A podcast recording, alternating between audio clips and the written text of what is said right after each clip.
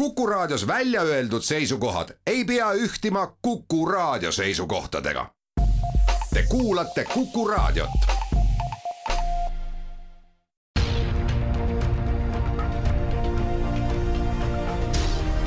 uue samba taga. sammaste taha aitab vaadata sajaaastane eestikeelne rahvusülikool tere kuulama saadet, mis räägib nanomaterjalidest ja räägib sellepärast, et käima on tõmmatud üks nelja-aastane projekt ning kaks professorit, Angel Ivask ja Andres Merits on sellepärast kuue samba tagant tulnud ka mikrofoni ette, et selgitusi jagada, mis siis on tulemas ja kuhu te tahate välja jõuda, jutujuht on Madis Ligi. nanomaterjalid kui sellised on siis need, mida looduses ehedal kujul olemas ei ole, vaid neid on vaja luua, neid on vaja täiendada ja selle nimel te praegu vaeva näete, on nii? jaa, tere tegelikult äh, nanomaterjale on looduses olemas ja noh, täitsa niimoodi juba ajalooliselt vulkaanipursetega näiteks seoses, et, et sellised noh, nad on umbes noh, saja nanomeetri suurused ehk siis null koma üks mikromeetrit väga,, väga-väga pisikesed, aga noh, looduslikud nanoosakesed on sageli sellised noh, juhuslikud, eks ju, et juhusliku kujuga, noh, võivad olla väiksemad, natukene suuremad, sest see ülemine piir on seal sada nanomeetrit, aga tegelikult ta võib olla ka üks nanomeeter. aga see, mida, mida siis noh, nagu meie siin oma projektiga muuhulgas üritame teha, on ikkagi neid nagu täiendada ja neid teadlikult siis sünteesida. Kindla kujuga, kindla struktuuriga, kindla koostisega ja neid ka niimoodi funktsionaliseerida, et neile veel mingit lisafunktsionaalsust anda miks seda on vaja anda? tegelikult kogu see projekt keskendub selliste antimikroopsete lahenduste loomisele, et noh, täpsemalt on siis sellised mikroobivastased katted, eh, mis siis on projekti lõppeesmärk ja sellised katteid siis peaks saama kanda noh, erinevatele kõvadele pindadele näiteks,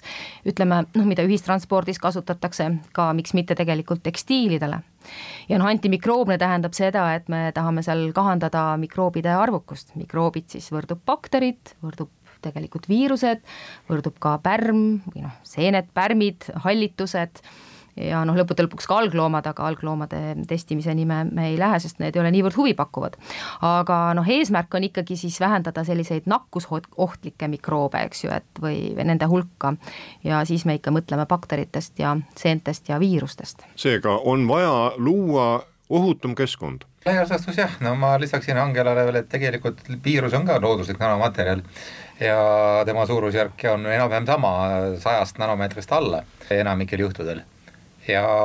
laias laastus olukord on tõesti nii, et see ohutum keskkond ongi nii, et eh, mikroobi või viirust tegelikult hävitada ei ole kuigi keeruline vähemalt teoreetiliselt. seda on väga raske teha, kui ta on juba korra inimesele naha vahele pugenud. siis on probleem selles, et kuidas hävitada ühte ja mitte hävitada või kahjustada teist ja keskkonnas on just nimelt äh, samuti, loomulikult me teame kõiki, kuidas mikroobi saaks kaata, efektiivselt hävitada, panna tugev ultraviolettkiirgus peale või veel parem gammakiirgus, aga need lahendused ei sobi. nii et siin on küsimus, et tekitada ohutum keskkond vastuvõetavate meetoditega ja tegelikult ka sellises variandis, et ta näeks esteetiline välja. kas küsimus on ka selles, et tulla nad odavamalt välja? kindlasti, sest ravimine on kõige kallim, ennetamine on alati kõige odavam kuhu olete siis jõudnud, millised on need stardipakud, kust hakkate edasi minema ja mis keskkonnad siis on ennekõike praegu teie tähelepanu all? no stardipakk on selline, et, tegelikult äh, osa nanomaterjale on ju olemas, et me noh, nanomaterjale on uuritud pikalt ja, ja muuhulgas ka antimikroopseid nanomaterjale. aga just see, et, et kuidas neid siis pindadele kanda, on tegelikult küsimus, nii et nad ikkagi oleksid piisavalt efektiivsed mikroobide vastu. et äh, noh, me oleme siin ise ka teinud varasemaid projekte, kus, kus me oleme näinud, et, et kui siis mingisuguse noh, mingisuguses maatriksis, mis võib olla näiteks polümeer, äh, kanda need äh, nanomaterjalid pinnale, siis osa funktsionaalsust ikkagi kaob ära, et efekt, et ta ei ole niivõrd efektiivne enam seal pinna peal. et, et siis noh, kuidas seda kõige paremal viisil teha, ongi selle projekti üks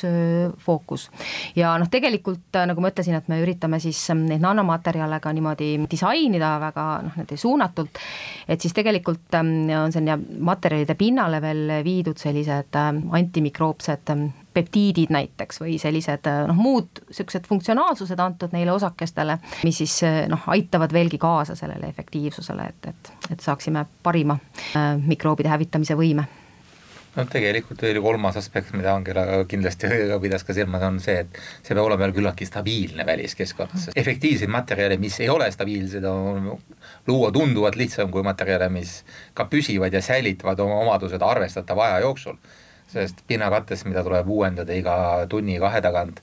mõnes olukorras on kasu, aga enamikel juhtudel me eeldame ikkagi midagi tunduvalt pikaajalisemat ja ma ütleks, võiks siia veel lisada, et, et tõepoolest ähm, noh, selliseid äh, nii-öelda kiiresti toimivat desinfektsioonivahendeid ju tegelikult on palju, eks ju, et alkoholipõhiseid, noh, teame kõik kätespreid ja nii edasi. et noh, tegelikult on võimalik ka pindu puhastada väga sageli, mida tegelikult juba tehaksegi ühistranspordis, eks väidetavalt võib-olla iga õhtu puhastatakse, aga siiski see on, see annab nagu kor-, korra efekti, et noh, tegelikult läheb mööda pool tundi ja, ja mikroobid on seal peal jällegi tagasi. et seetõttu need, need püsivad äh, katted on jah, tõesti tõesti väga olulised. Ja noh, kui nüüd sellest projektist rääkida, siis tegelikult lõppeesmärk on saada noh, ikka kuid kestev selline, selline kattepind, mis oleks mikroobide vastane. aga see kattepind saab olla ju üliõhuke, nähtamatu täielikult,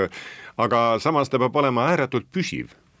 jaa, tõesti, et äh, õhukene kiht kindlasti ja noh, seal ongi see, polümeer siis, mille sisse need osak-, nanoosakesed on viidud, nagu Andres ütles varemalt, et ta peab olema ka esteetiline. et, ähm, et noh, selles ongi see selline võti, mida me siis üritame lahendada. aga tegelikult siia esteetilisuse juurde võiks veel rääkida mm, võib-olla loo ühest niisugust ajaloolisest antimikroopsest pinnast, mis on näiteks vasepind, mis on kõige vanem, eks ole, tuntud, et noh, see on juba vasknõusid juba ajalooliselt kasutati ja tegelikult ka tänapäeval, et, et on selliseid äh, tootjaid, kes noh, mingi hetk oli ukselinkidele näiteks leebiti selliseid vase, vaseteipe ja, ja ka muid noh, näiteks käepidemed vasest, eks ju. aga tegelikult see vasepind äh, oksüdeerub väga kiiresti, et ta läheb noh, igat erinevat värvi, esialgu võib-olla muutub niisugusest mustjaks, siis muutub rohekaks, eks ju, et noh, et tegelikult no ta ei ole nagu, nagu hea puutuda enam, et, et kui sa lähed noh, ühes poes ma nägin veel selliseid kärusid, kus oli see vaseteip teip peal, et, et noh, ta tõesti ei näinud ilus välja, et ei taha nagu katsuda aga millised kohad olete veel välja valinud ja kus tunnetate, et teadlaste abi on vaja, ühistranspordist oli siin juttu, kauplustest oli juttu, noh, pangaautomaadid on ju väga sageli paljude inimeste poolt nad üle käidud, seal on ka bakterid palju, sinna tuleks ka sekkuda ja miks mitte, tõepoolest, et ähm, jah, ja võib-olla ma korra märgin veel, et tegelikult see projekti fookus on ka sellistel noh, näiteks hooldekodudel ja, ja meditsiiniasutustel, eks ju, et, et kus, kus samuti mikroobide, mikroobinakkuste risk on väga suur, ja eks see laias laastus olegi, et kõige olulisemad on need pinnad, mille kaudu nii-öelda toimub mikroobide vahetus inimeste vahel. inimeste kodudes endas sellel suuremat äh, rolli ei ole, sest seal on nagu stabiilne mikroobne keskkond, hea küll, keegi toob koolist mingi uue, kogu aeg noh, juhtub, aga see, sellisel juhul seda takistada on kaunis keeruline, sest aga just nimelt äh, nii-öelda suhteliselt fikseeritud lähenemisega. loomulikult, kui materjal oleks erakordselt odav ja näeks erakordselt ilus välja, võiks ju katta sellega ka koolipinki ja, ja maja seinu, aga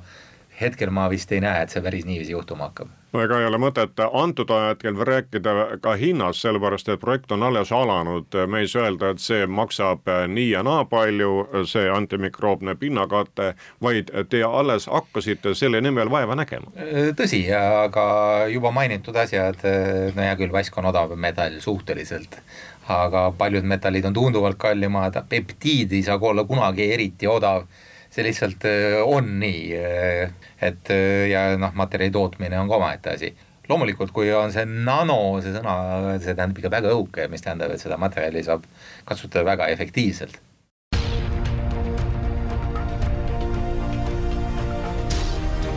uue samba taga.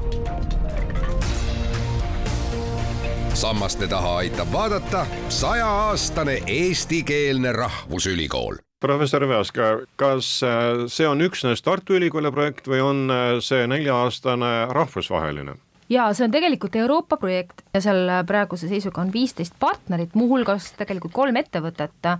kellest siis äh, üks juba ise toodab ka teatud selliseid noh, niisuguseid antimikroopseid katteid ja üks ongi, või no näiteks ongi sellised, mida saab siis pihustada pindadele ja mis, mis peakski seal tekitama sellise üsna pikaajalise sellise antimikroopse kihi. ja partnerid on väga erinevatest riikidest üle terve Euroopa, Kreekast Ühendkuningriikideni professor Merits, kes siis peale viroloogide ja mikrobioloogide on veel sellesse projekti kaasatud?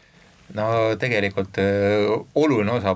projektist on tegelikult materjalide teadlased ja materjalide tootjad. viroloogid ja mikrobioloogid on selle nii-öelda testimise osa ja see tegelikult, mitu partnerit meil selle kompetentsiga on, kaks või kolm. ülejäänud on enamasti ikkagi seotud just nimelt materjaliteadusega ja selle tootmisega see on omamoodi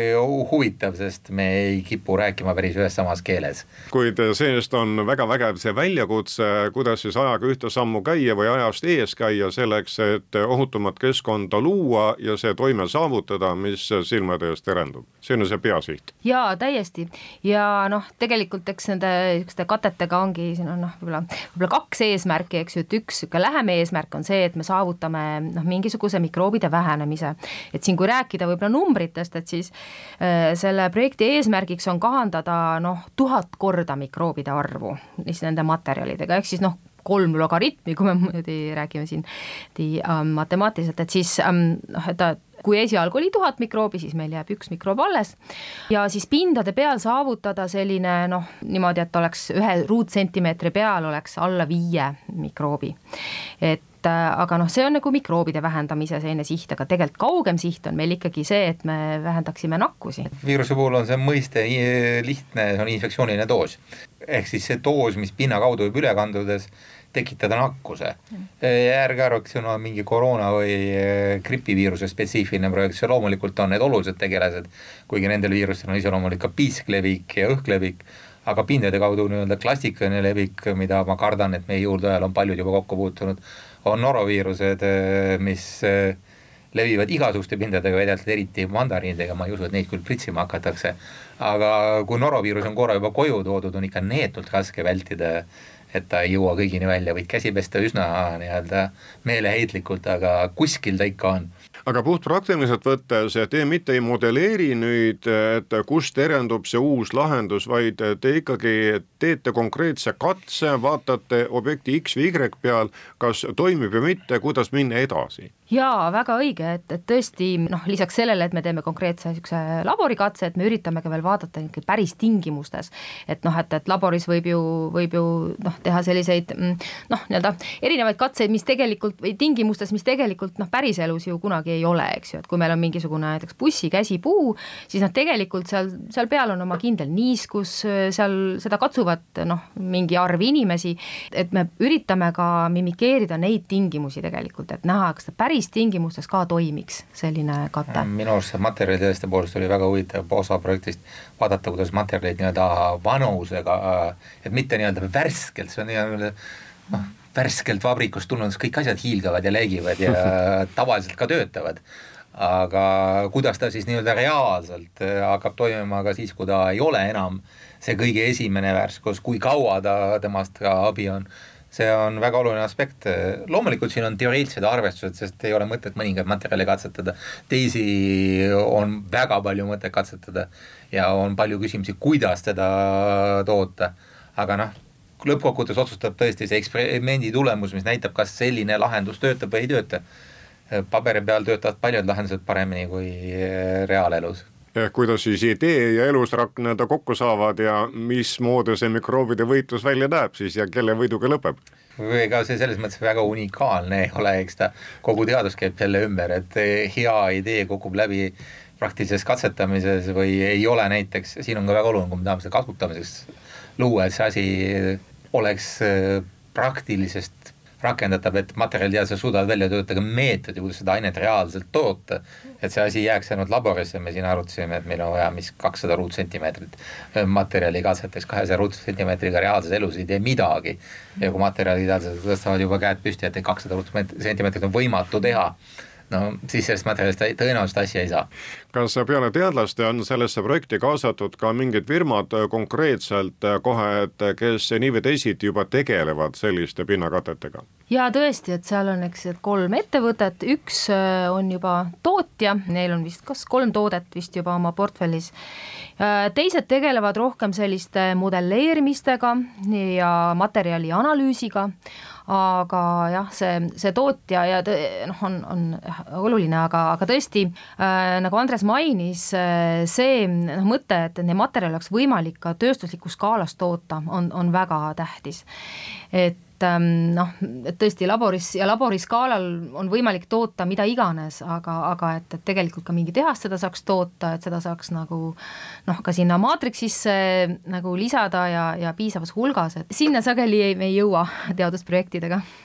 aga no ideid peabki olema alati rohkem, kui neid turule jõuab, sest ka negatiivne tulemus on ju tulemus, me saime midagi jälle teada. täpselt nii, kui nii-öelda kõik asjad, mida me kavandaksime, tuleksid välja, oleks väga lahe. selles mõttes mulle väga meeldib, et see on niisugune lai konsortsium, sest vaat negatiivsetel teadmistel on üks paha asi, nad ei kipu levima. sest ei ole olemas teaduslikku ajakirja avaldamaks eranditult negatiivseid tulemusi need äh, liiguvad inimestest inimestele ja siis äh, otseste kontaktide kaudu, kus öeldakse, et kuule, ära seda tee, see niikuinii ei tule välja. tõsi, mõnikord juhtub, mõni ei tea, et see ei tule välja ja teeb selle ära. Aga enamikel juhtudel on, on ikkagi tohutu ajakulu selle peale, et inimestelt inimestele ei ole levinud informatsiooni, mis on võimalik ja mis ei ole. ehk siis neid dead-end lähenemisi on lõputult palju seega projekt on siis alanud ja nagu öeldud, neli aastat on teil tööd ees, et siis koos oma kolleegidega nii siit Eestist kui ka teistest riikidest ühistööd teha ja neid antimikroopseid pinnakatteid välja töötada. see on see peasiht, eks ju? Jah, tõesti ja siis nelja aasta pärast peaksimegi saama sellised sellise pudeli sprei näiteks, mida, mida saab lauapinnale ja, ja bussikäsipuudele kanda edukalt. või siis kodus soovitatavalt äh, jõulude ajal vältida noroviiruse levikuid. ja mine tea, mis mõte veel vahepeal tuleb. jah, seda muidugi äh, on nii-öelda ootamatused mikroobide maailmas on kerged tulema. aga kas te seda ei karda, et äh, äkki siis need mikroobid harjuvad ära ja tuleb astuda jälle järgmine samm. ja tõesti, see on äh, ka üks niisugune äh, lisafookus sellel projektil, mida siis äh, noh, nii-öelda peale materjalide väljatöötamist siis ähm, ka vaadatakse, et kas ja kui kiiresti võiks ähm, noh, mikroobid siis muutuda resistentseks ja mis, mismoodi või mis laadi see resistentsus on. ja kas see resistentsus võiks tegelikult põhjustada mingit kaasresistentsust, näiteks antibiootikumidele, sest seda on väga hästi teada, et näiteks metallide ja antibiootikumide resistentsus resistentsus käivad koos. aga et kui mikroob üldisemalt muutub äh, resistentsemaks näiteks noh, mingisugusele ühendile, mis me sinna katte, antimikroopse katte sisse paneme, et siis ta võib üle, üleüldse olla selline vastupidavam. ja tegelikult äh, noh, üks on selline nii-öelda niisuguste antibiootikumide või antimikroopsete ühendite resistentsuse geenide levik, aga tegelikult teine on see, et selline nähtus, kus mikroobid suudavad muutuda nagu püsivaks või selliseks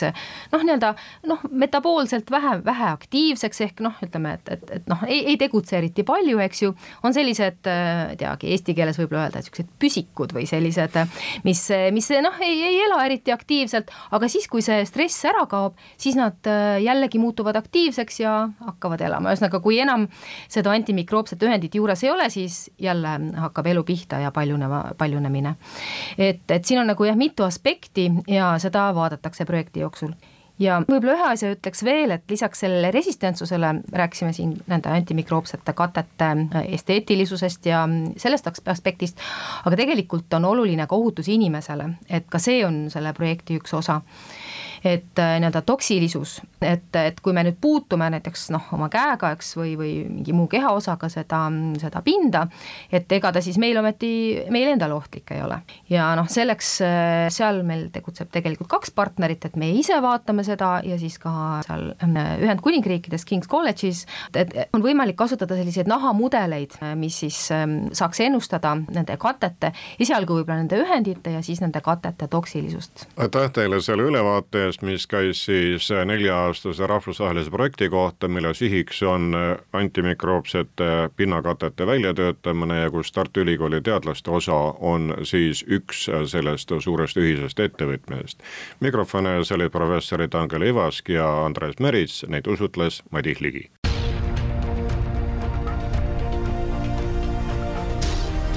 uue samba taga sammaste taha aitab vaadata sajaaastane eestikeelne rahvusülikool